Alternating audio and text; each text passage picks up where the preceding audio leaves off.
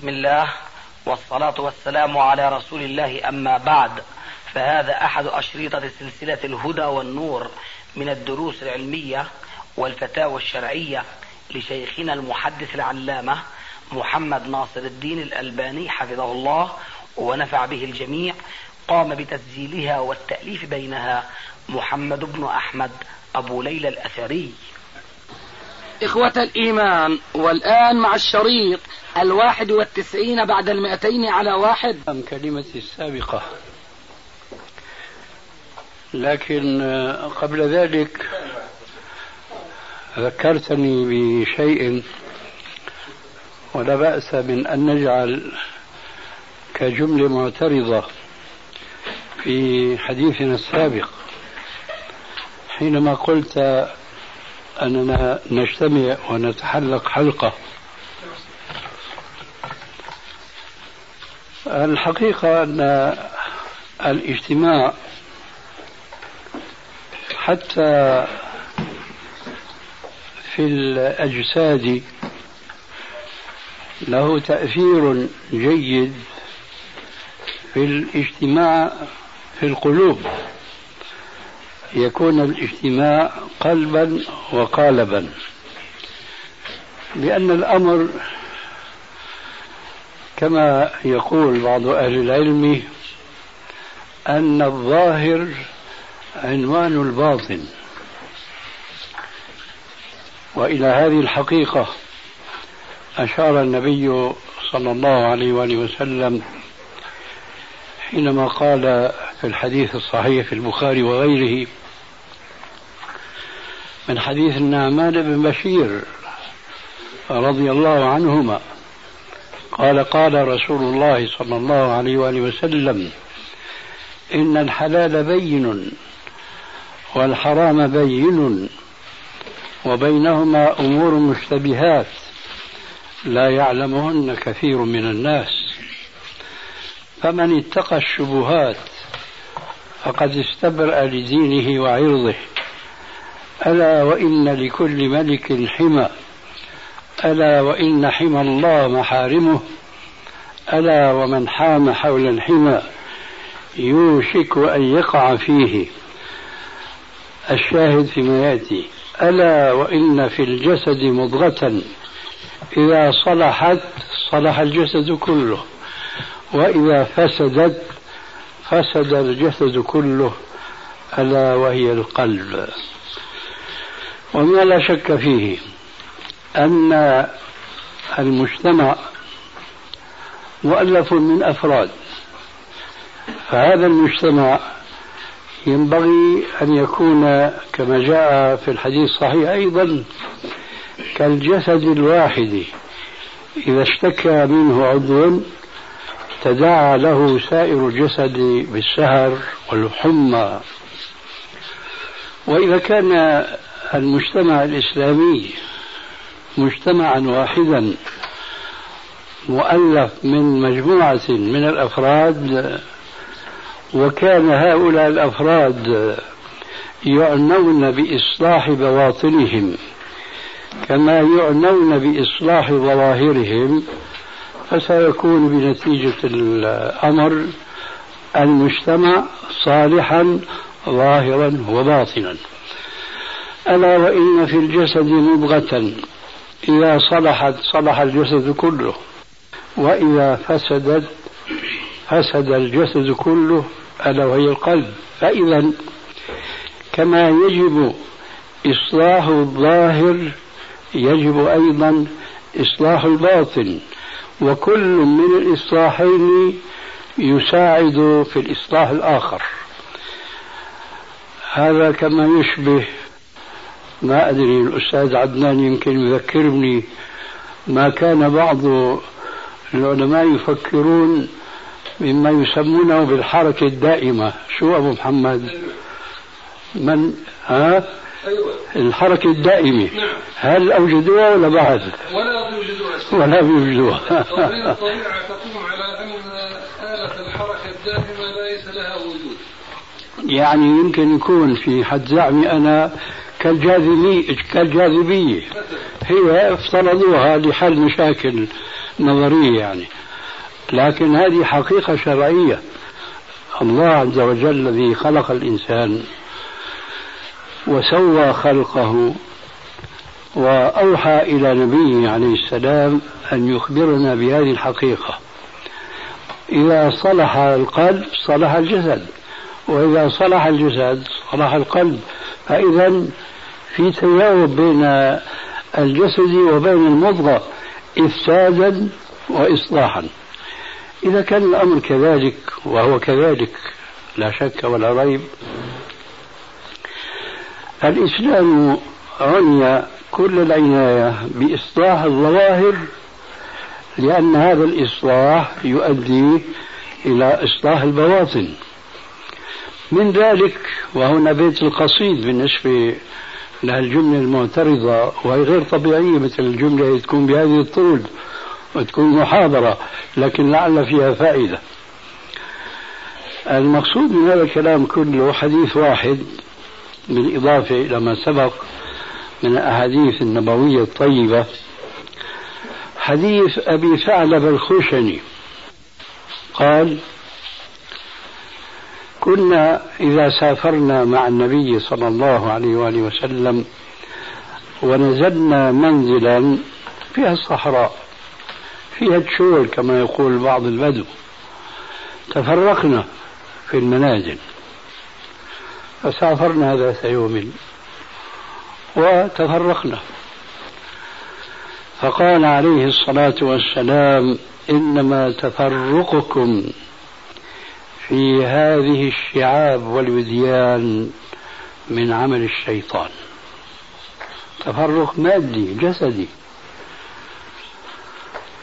قال أبو ثعلبة فكنا بعد ذلك كنا بعد ذلك إذا نزلنا منزلا انضم بعضنا إلى بعض حتى لو جلسنا إلى بساط لوسعنا فإذا الانضمام الظاهري يؤثر في الانضمام القلبي وهذه حقيقة شرعية ربما يعبر عنها بعض علماء الكلام أو الفلسفة في آخر الزمان بأنها فلسفة شرعية وهي حقيقة شرعية.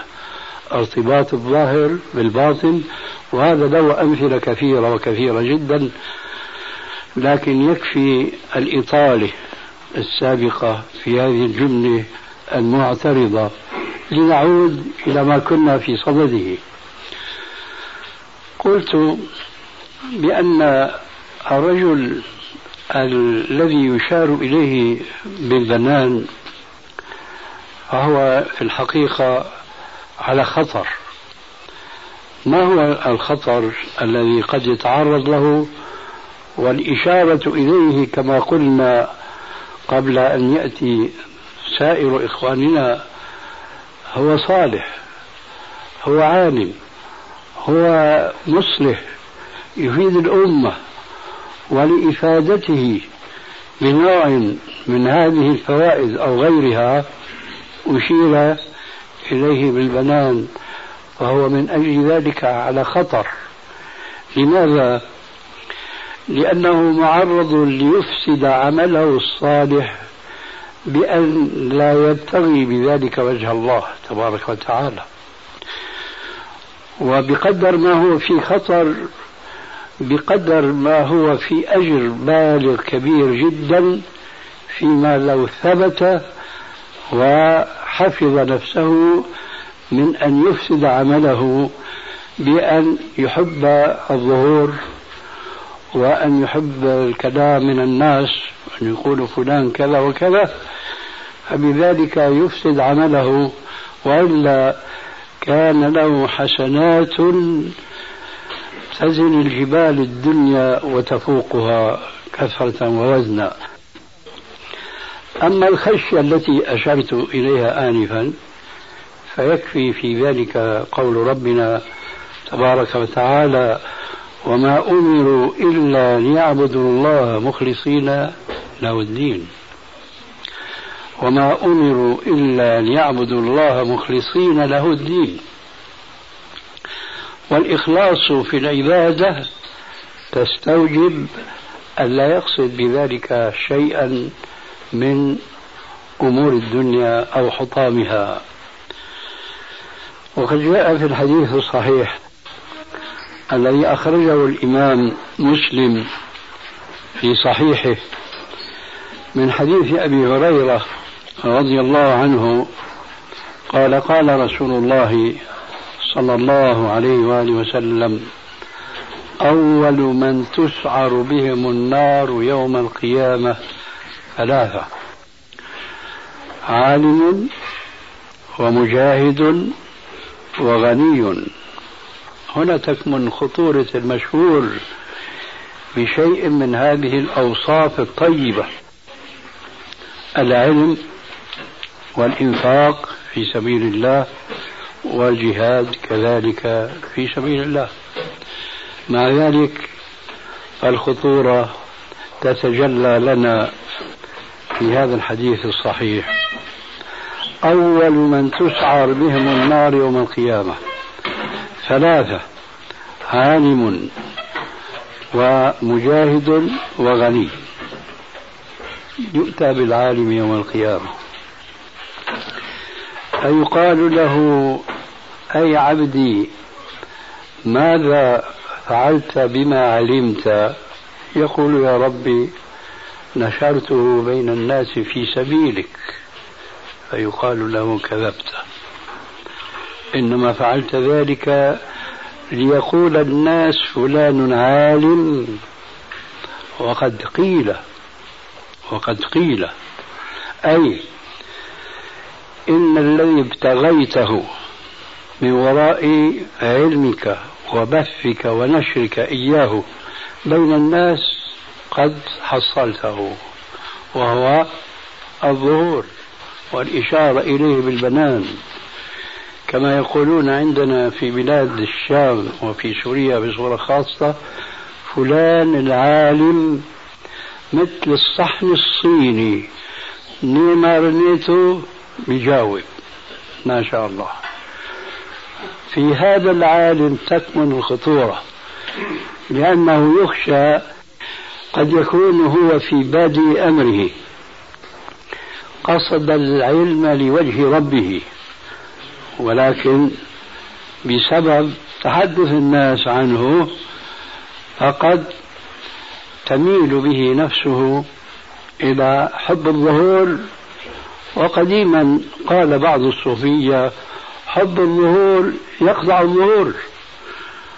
وأنا أقول بعض الصوفية لأنه ليس كل ما يقوله الصوفية هو خلاف الشريعة الإسلامية بل فيها ما هو موافق لها وفيها ما هو مخالف لها لأن الصوفية كمذهب من المذاهب أو طريقة من الطرق لم تنزل من السماء وحيا من الله على شيخ الطريقة وإنما هو رأي واجتهاد وسعي منه إلى إصلاح الناس بطريقة أو بأخرى. فهذه كلمة فيها من الحكمة ما شاء الله. حب الظهور يقطع الظهور. معنى مجازي جميل وجميل جدا. لذلك أول من ذكرهم الرسول عليه السلام هو العالم لأنه مركزه حساس وخطر جدا أن تميل به الأهواء والشهوات وأخطرها ليس هو حب المال فقط وإنما كمان حب الظهور والجاه والمنزلة ونحو ذلك. الثاني كما قال عليه السلام عفوا لما قال هذا الرجل ما قال يقال له وقيل له كذبت إنما فعلت ذلك ليقول الناس عالم فلان عالم وقد قيل. قيل له أو عنه خذوا به إلى النار والعياذ بالله من هو؟ هو العالم المفروض أن يكون كما قال الله عز وجل في الآية الكريمة يرفع الله الذين آمنوا منكم والذين أوتوا العلم درجات وإذا هذا العالم فيصبح بعلمه في الدركات من النار والعياذ بالله. قال في الحديث ثم يؤتى بالمجاهد فيقال له ماذا فعلت بما أنعمت عليك من قوة؟ فيقول يا ربي قاتلت في سبيلك.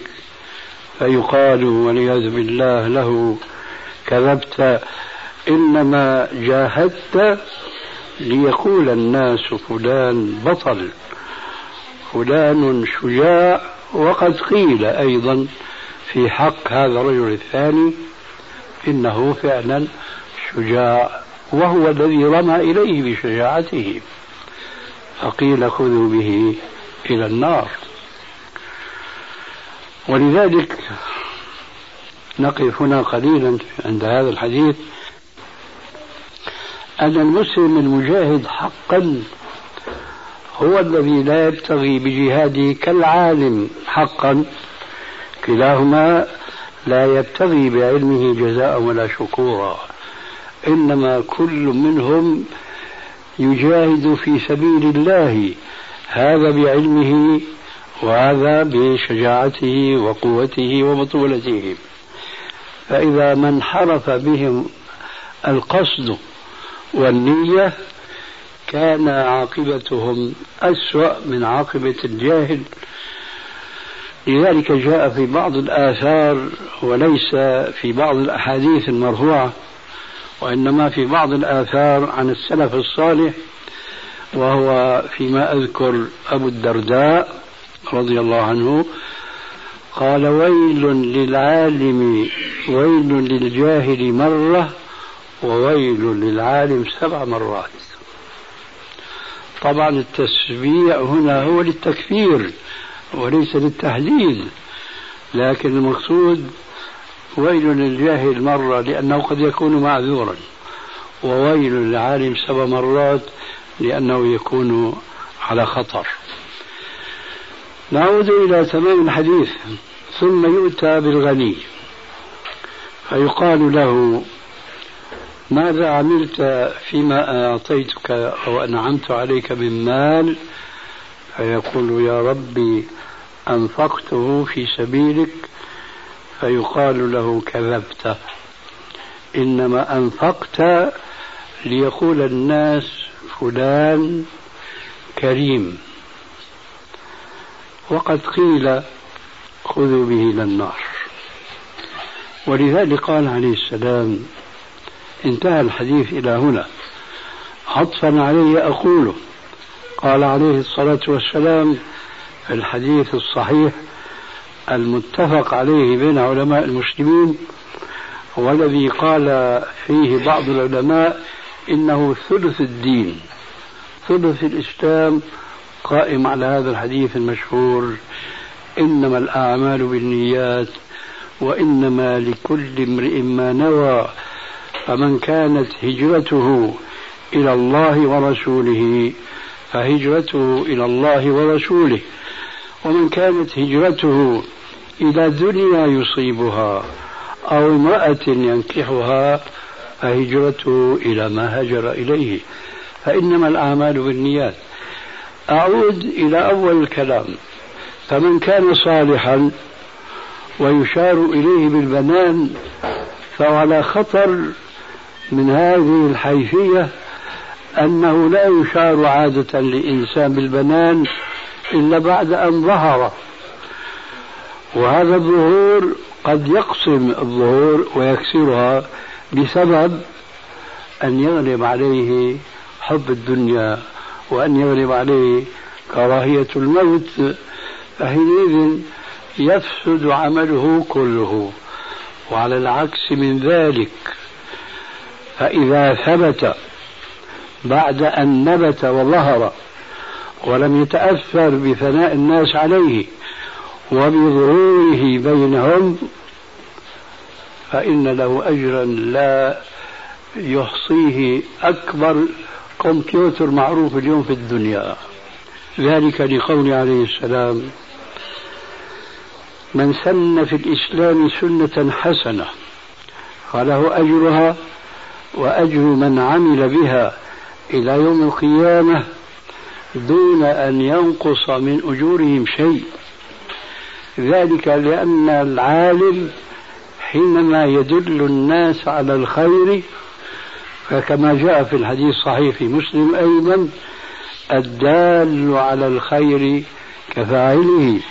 وفي الحديث الآخر من دعا إلى هدى كان له أجره وأجر من عمل به إلى يوم القيامة دون أن ينقص من أجورهم شيء. فتصوروا معي كم يكون أجر هذا الإنسان الداعي إلى الله المخلص في دعوته إلى الله لا يحصيها إلا الله عز وجل عددا. ومن هنا قال العلماء إن نبينا محمدا صلى الله عليه وآله وسلم هو أكثر الأنبياء والرسل أجرا وثوابا لأنه هو الذي كان سبب هداية الأمة هداية الأمة والأمة في لغة العلماء تنقسم إلى قسمين أمة دعوة وأمة إجابة. فكل من جاء بعد النبي صلى الله عليه وسلم داخل في أمة الدعوة في أمة الدعوة نعم. فمن استجاب لدعوة الرسول عليه السلام دخل في القسم الثاني وهو أمة الإجابة أي أجاب الرسول عليه السلام وخضع له. فتصوروا منذ بدأ الرسول عليه الصلاة والسلام بدعوته للناس إلى شهادة أن لا إله إلا الله وأن محمد رسول الله وإلى تفصيل هذه الكلمة الطيبة علما وتطبيقها عملا. تصوروا كم وكم جاء من بعده من الملايين الملايين. حسنات هؤلاء ربما يكون الواحد منهم له حسنات كالجبال. كل هذه الحسنات من كل هؤلاء الأفراد تكتب في صحيفة الرسول عليه الصلاة والسلام. ومن هنا يظهر أهمية العالم العامل بعلمه والمخلص في دعوته إلى الله إلى كتاب الله وإلى سنة نبيه صلى الله عليه وسلم. ولكن هذا العالم كما يشترط فيه أن يكون عاملا في علمه وأن لا يكون قوالا ليس فعالا. كذلك يشترط فيه أن يكون علمه مستقا فقط من كتاب الله ومن سنة نبيه صلى الله عليه وآله وسلم مع الإخلاص الذي أشرت إليه آنفا. ولهذا قال الله عز وجل في كتابه قل هذه سبيلي أدعو إلى الله على بصيرة أنا ومن اتبعني وسبحان الله وما أنا من المشركين. على بصيرة أنا ليس هو الرسول فقط بل ومن اتبعه عليه الصلاة والسلام. ولا تكون البصيرة إلا كما قال تعالى أيضا في القرآن الكريم فمن كان يرجو لقاء ربه فليعمل عملا صالحا ولا يشرك بعبادة ربه أحدا. وقد قال العلماء علماء التفسير في هذه الآية أنها دلت على أن النجاة عند الله عز وجل إنما يكون بشرطين اثنين. أن يكون عمله صالحا وأن يكون لوجه الله خالصا. أما أن يكون عمله صالحا فواضح في الآية. أما أن يكون لوجه الله خالصا فهو قوله تعالى في آخرها ولا يشرك بعبادة ربه أحدا لأن الشرك ليس كما يظن بعض الناس أن تقول إن مع الله خالقا آخر.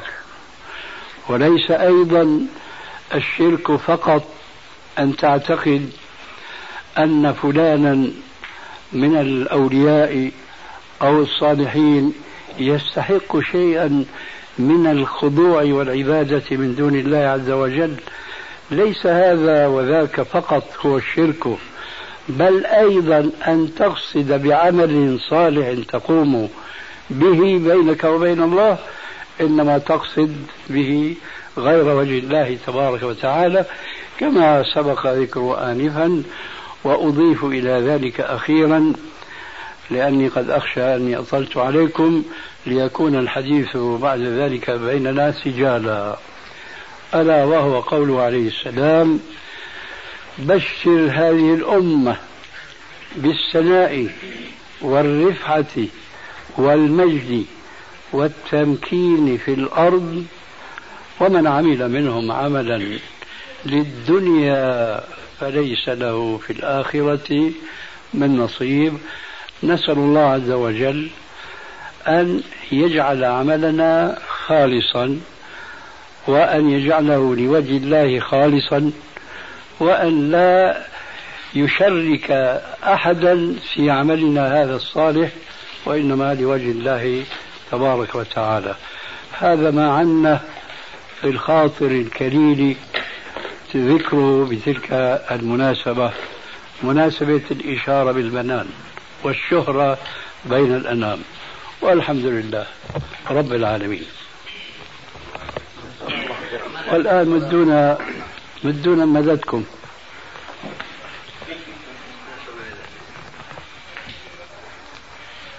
أحد الناس يسأل الله يبارك فيكم. نعم. أحد الناس أيوة. يسأل فيقول نسمع كثيرا عن الوهابية ونسمع أنهم يكرهون الصلاة على النبي صلى الله عليه وسلم الله. ولا يزورون قبر النبي صلى الله عليه وسلم.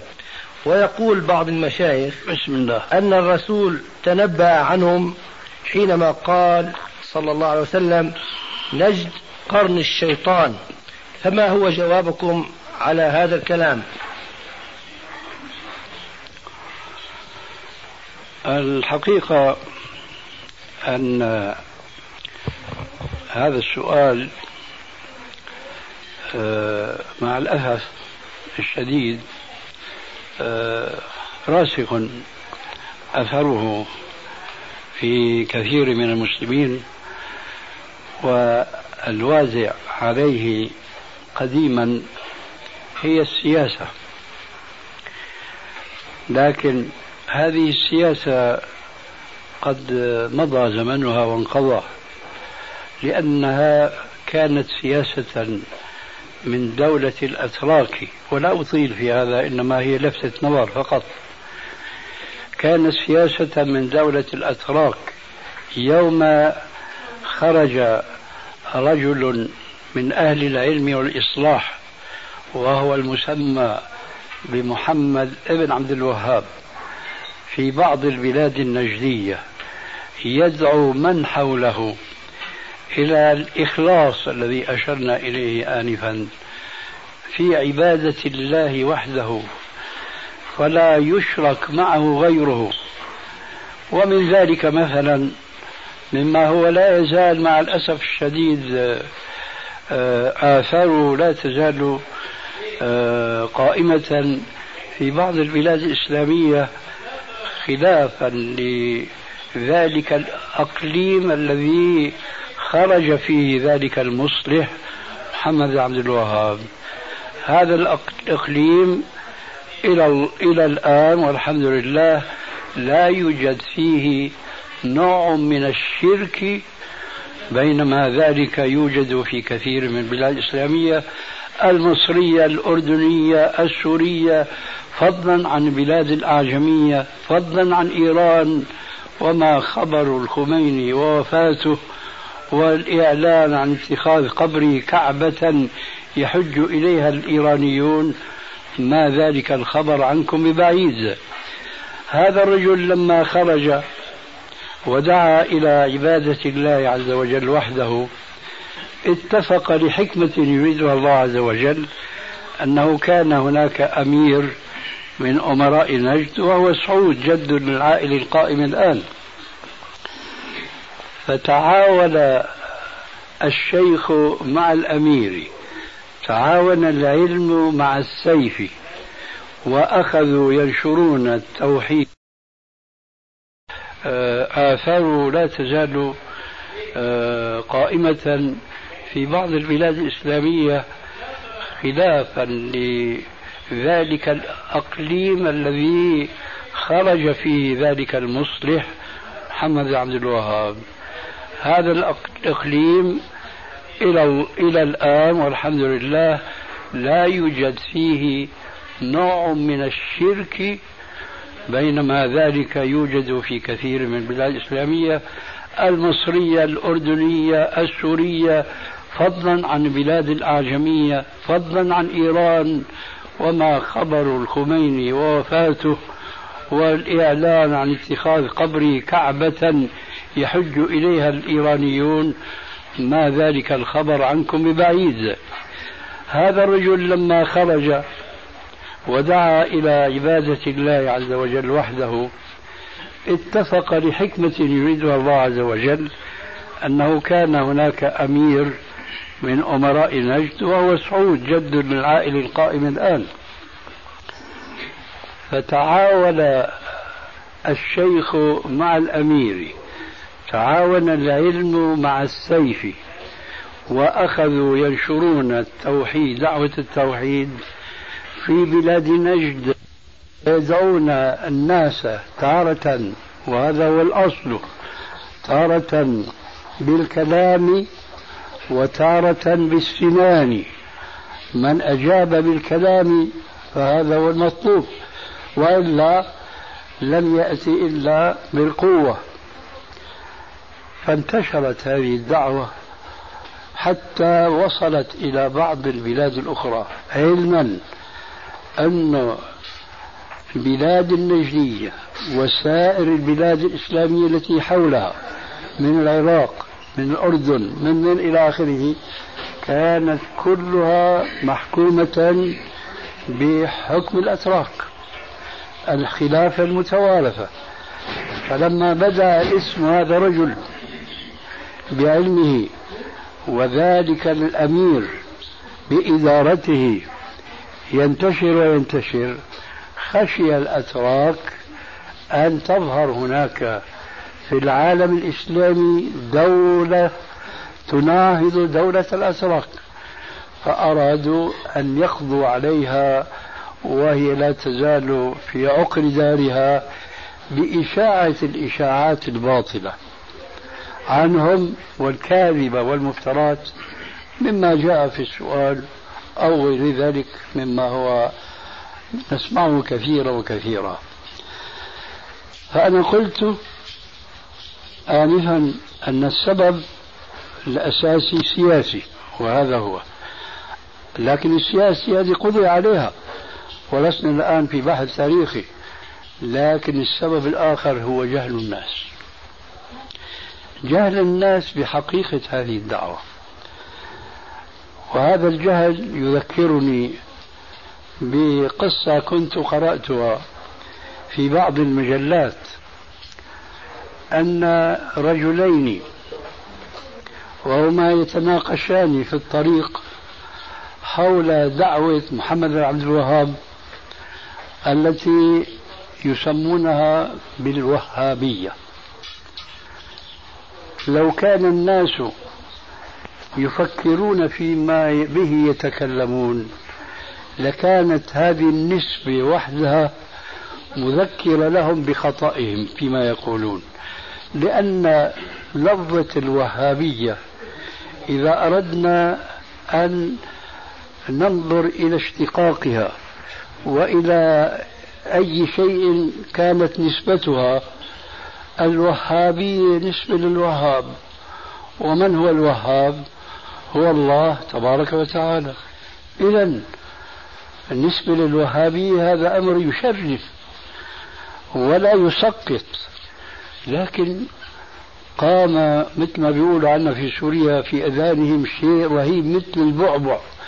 شيء مخيف جدا. الوهابية ما بيعتقدوا بالرسول ما بيأمنوا غير بألله. ذكرني هذا البحث بأولئك الاثنين وهما يتناقشان. حاضر يا بس بس كلمة واحدة. نعمل محطة يعني. حتى نحسن الرجوع إليها. بعدين بنضل عنها. وإذا وهما يتناقشان ويدعي الجاهل أن هدول ما بيعتقدوا ما بيعتقدوا إلا بالله وبس. أما محمد رسول الله ما بيعتقدوا ما بيقولوا إلا لا إله إلا الله. وعندنا بالشام كانت القصة باعتبارها شامية لازم نريكم إياها باللغة الشامية. بيقولوا درن مرت سيارة القنصل أو السفير إيش؟ السعودي في هذاك البلد. وإذا العلم تبع السيارة برفرف بصورة واضحة. لا إله إلا الله محمد رسول الله. يا جماعة اتقوا الله. كيف تقولوا في هؤلاء الناس؟ ما بيأمنوا غير بألله. وعلمهم هو العلم الوحيد في الدنيا. هل يكتب عليه إشارة التوحيد الذي قال عليه السلام فيها أمرت أن أقاتل الناس حتى يشهدوا أن لا إله إلا الله وأن محمد رسول الله. فإذا قالوها فقد عصموا مني دماءهم وأموالهم وحسابهم على الله. كيف تقول هذول الجماعة وتفتروا عليهم؟ وهذا علمهم المرفوع ينبي عما في صدورهم من الإيمان. هذا شيء الشيء الأكبر والأهم هذا علم. ممكن أن يقال على مزور يعني دعاية مغرضة وإلى آخره.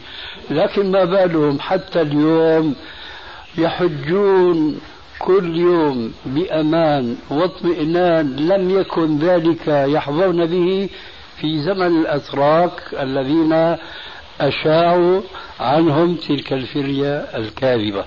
أنتم تعلمون أن في كثير من السنين بالنسبة لآبائنا فضلا عن أجدادنا كان لابد أن يصاحب كل قافلة حجاج من أي بلد جماعة مقاتلة مستعدون للمحافظة على هذه القافلة من الحجاج ممن من؟ قطاع الطرق.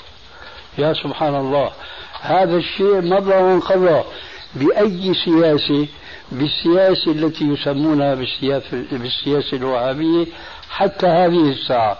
فإذا فرضنا أن هذا العلم الذي يلوح بالإيمان الصحيح والتوحيد الصحيح المقرون بالإيمان بأن محمد رسول الله زور بهتان ألا ترونهم في المساجد هناك يعبدون الله ويؤذن المؤذن كما يؤذن في كل البلاد؟ اللهم إلا الزيادة التي تذكر في البلاد الأخرى في مقدمة الأذان ومؤخرة الأذان فلا يقال هناك اتباعا منهم للسنة. لا إنكارا لكون الرسول عليه السلام هو رسول الإسلام ورسول الأنام جميعا في كل زمان وفي كل مكان وإنما اتباعا للسلف. وكل خير كما قيل وكل خير في اتباع من سلف وكل شر في ابتداع من خلف. فإلى الآن يحج الناس ويسمعون هذا الأذان بالشهادة لله بالوحدانية ولنبيه بالرسالة. ثم يصلون صلاتنا ويذكرون الرسول عليه السلام كلما ذكر يصلون عليه ربما أكثر من أولئك الناس الذين يقولون عنهم هدن وهابية ما بيحبوا الرسول ما بيصلوا على الرسول. يا جماعة اتقوا الله. هذه فرية يبطلها واقع هؤلاء الجماعة بحيث لا يمكن أن يقال هؤلاء في بلادهم يداهنون الساكنين خارج بلادهم. إنما هذا نابع من قلوبهم الإيمان بلا إله إلا الله وأن محمد رسول الله والسير على منهاج رسول الله صلى الله عليه وسلم بدون زيادة ولا أقول دون نقص لأن هذا النقص طبيعة الإنسان. لا يستطيع الإنسان أن ينهض. لكن من حيث العقيدة دون زيادة ودون نقصان. من حيث العبادة دون زيادة. قد يكون هناك نقصان. مثلا بعضهم قد لا يقوم الليل والناس نياب. هذا نقص. لكن هذا نقص لا يخدج في عقيدته. لا يخدج في إسلامه. فهذه الكلمة حتى اليوم فيها اتهام للجماعة بما هم بريئين منه كما يقال براءة الذئب من دم يعقوب وحسبنا يا أبا يحيى. قل هذه سبيلي أدعو إلى الله على بصيرة أنا ومن اتبعني. وسبحان الله وما أنا من المشركين. فقد ذكرنا مع هذه الآية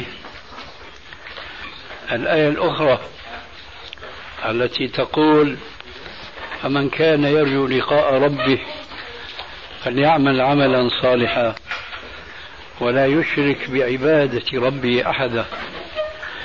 وأشرنا إلى أن هذه الآية الثانية تعطينا شرطين اثنين أن يكون العمل صالحا ولا يكون كذلك إلا إذا كان موافقا للسنة. والشرط الثاني أن يكون خالصا لوجه الله تبارك وتعالى. دار الكلام مع شيء من البسط والشرح حول هذين الشرطين.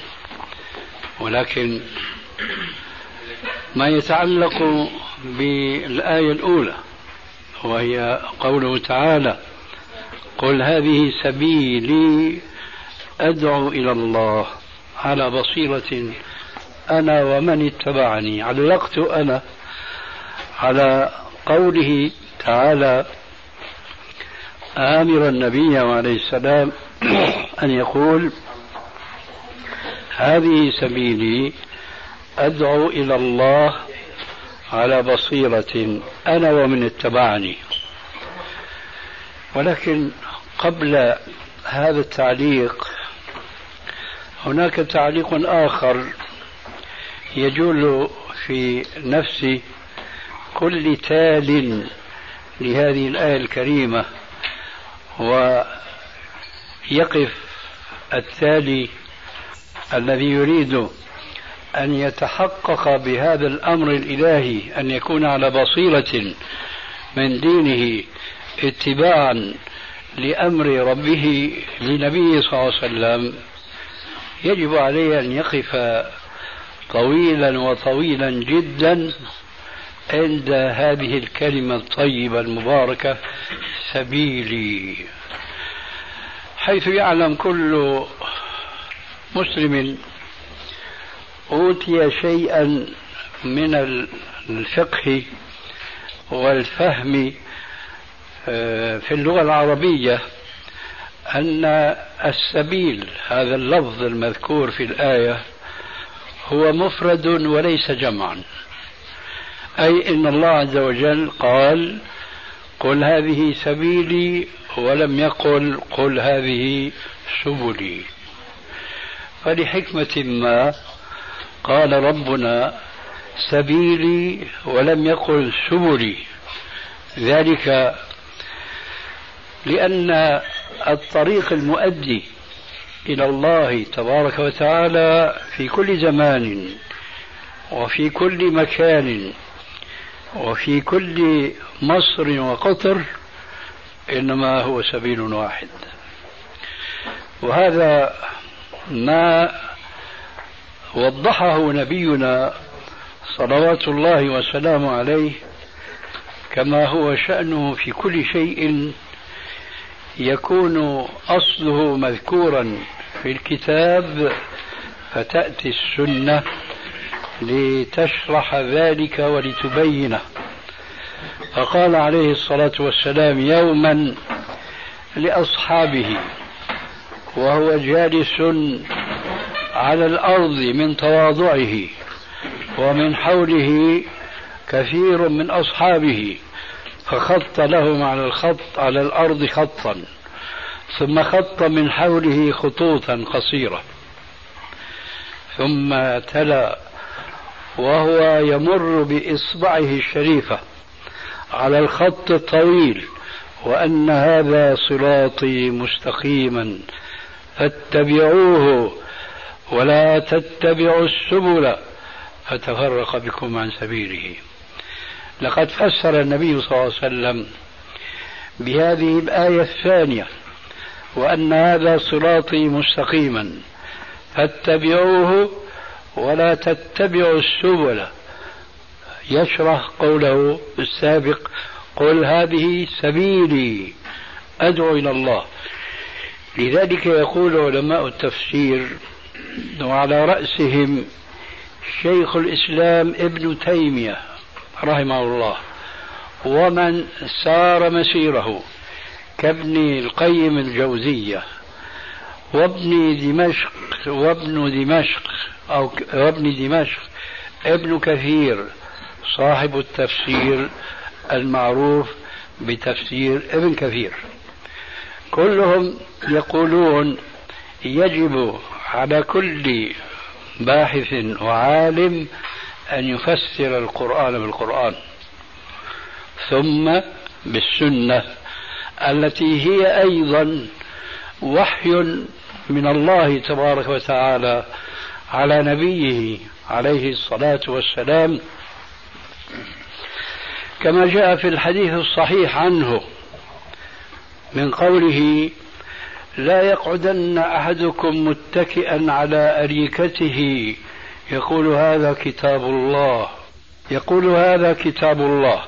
ما وجدنا فيه حلالا حللناه وما وجدنا فيه حراما حرمناه. ألا إني أوتيت القرآن ومثله معه. ألا إني أوتيت القرآن ومثله معه. المثل هنا هي سنة الرسول عليه السلام. ولذلك قال من أشرنا إليهم من بعض أهل العلم آنفا بأنه ينبغي تفسير القرآن بالقرآن وبالسنة لأنها أيضا من وحي الرحمن على قلب الرسول عليه الصلاة والسلام. كما قال والنجم إذا هوى ما ضل صاحبكم ما ضل صاحبكم وما غوى وما ينطق عن الهوى إن هو إلا وحي يوحى. إن هو إلا وحي يوحى. فإذا هناك وحيان. وحي متلو ألا وهو القرآن ووحي متعبد به لفهم القرآن.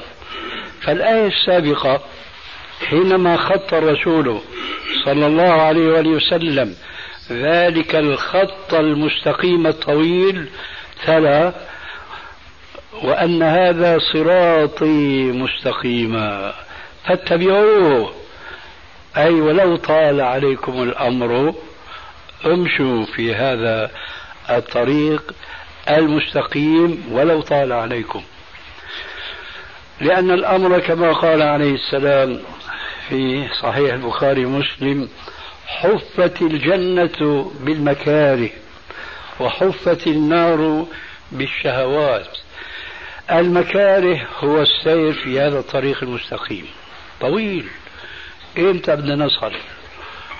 أنت المهم إنك تمشي ولو أول خطوة فلو مت فيها فأنت يقينا من أهل الجنة.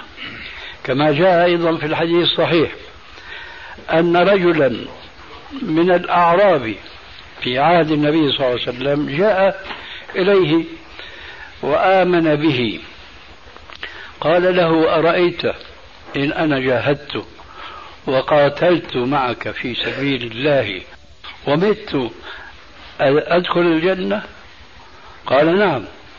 فما كان منه إلا أن خاض المعركة وما خرج منها إلا شهيدا. ولم يصلي لله صلاة. ولم يصلي لله صلاة. لماذا؟ لأنه أخذ الخط المستقيم ومشي فيه ولو خطوة أولى. فليس من المهم على السائر في هذا الطريق المستقيم الطويل أن يصل إلى نهايته ولكن أن يمشي ولو خطوة أو أكثر من ذلك حسب ما ربنا عز وجل ييسر له ويموت على ذلك. ويعجبني بهذه المناسبة بيت الشعر الذي يروى عن امرئ القيس الجاهلي. هل بيقول وأنا لست بشاعر ولا أحفظ الشعر جيدا ولذلك فأستسلم سلفا فأقول لمن يحفظ الشعر فإذا وجدني قد أخطأت فليعني وليمدني بمدده. فماذا قال امرؤ القيس؟ قال بكى صاحبي لما رأى الدرب دونه وإيش بعدين؟ وأيقن أن لاحقين بقيصرة لاحقان بقيصرة شفتوا شلون؟ إنه أنا بطلب المدد منكم.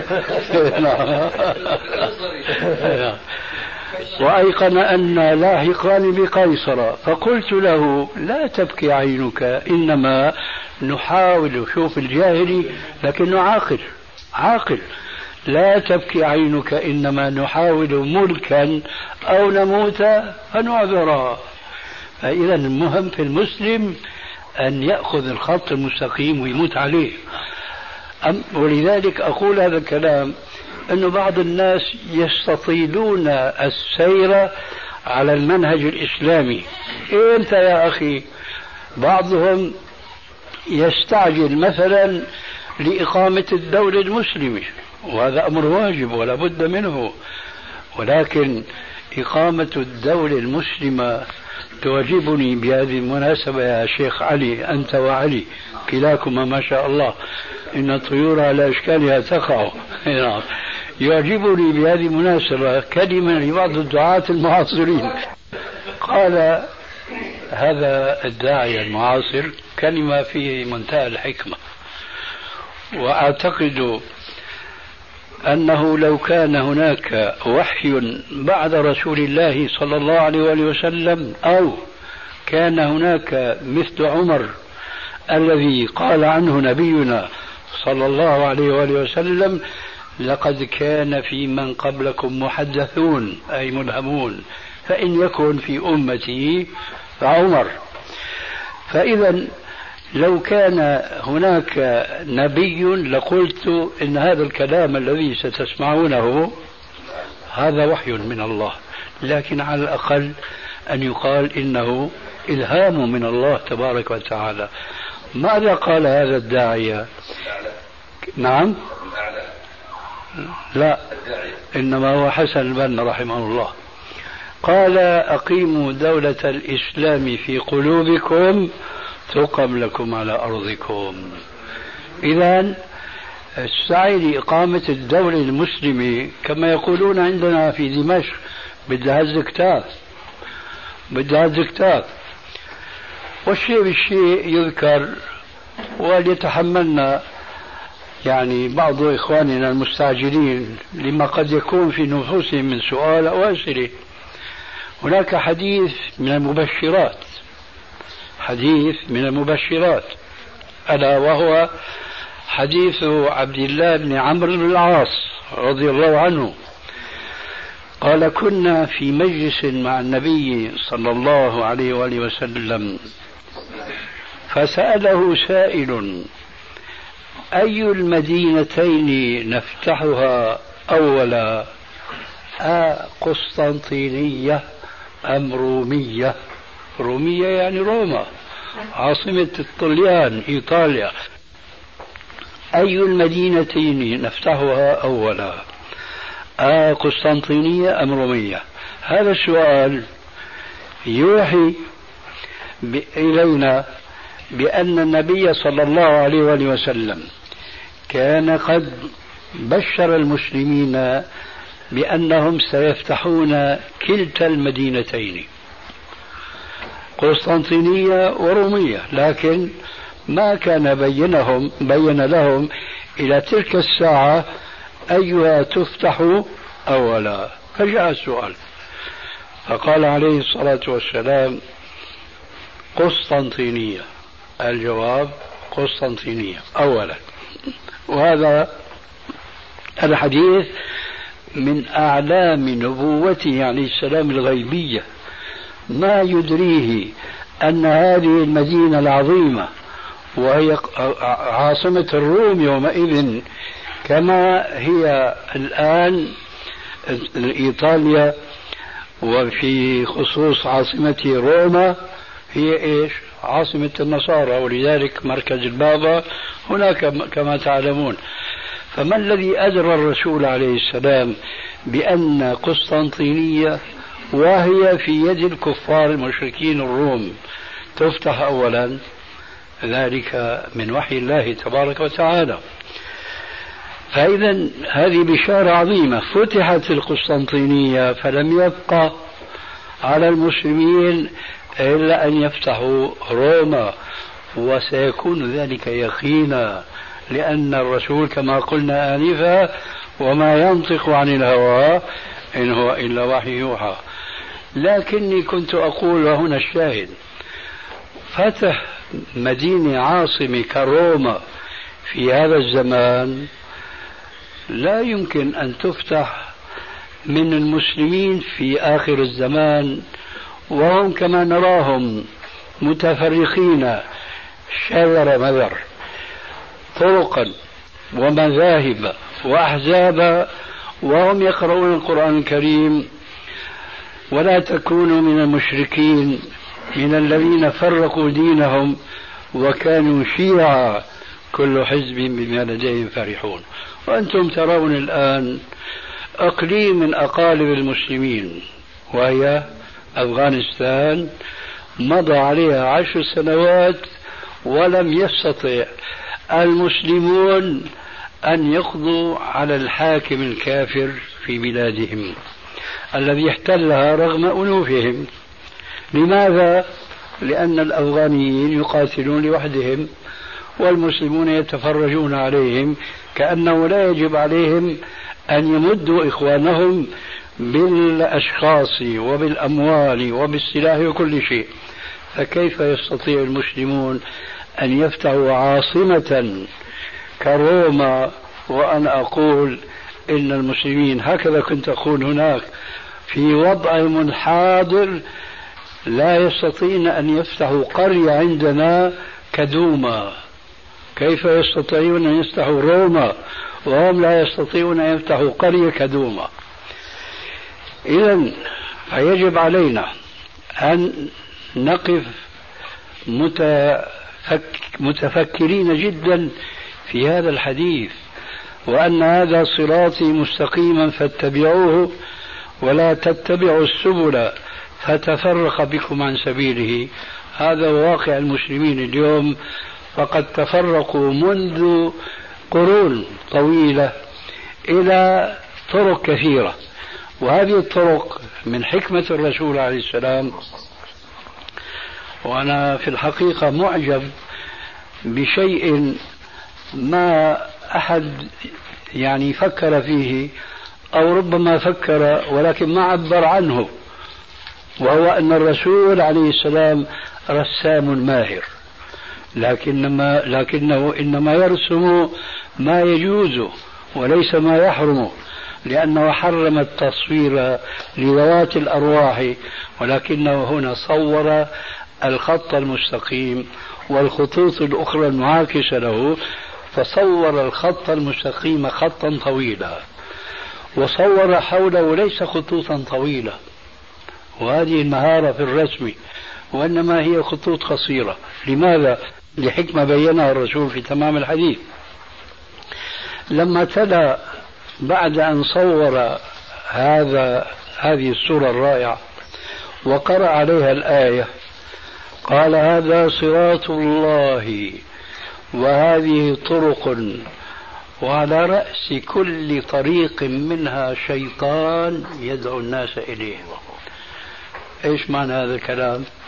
في هنا كلام يتلفظ به لسان الرسول عليه السلام لكن هناك كلام لم يتلفظ به وإنما رسمه لأصحابه على الأرض وهي أن هذه قصيرة مغرية للسائرين على الدرب الطويل. فإن على كل رأس طريق من هذه الطرق القصيرة شيطان. كأنه يقول للسالكين على الصراط الطويل. إخوة الإيمان تتمة الكلام في الشريط التالي. على الصراط الطويل. وين رايحين؟ لأمتى تصلوا شوفوا ما أقرب هذا الطريق.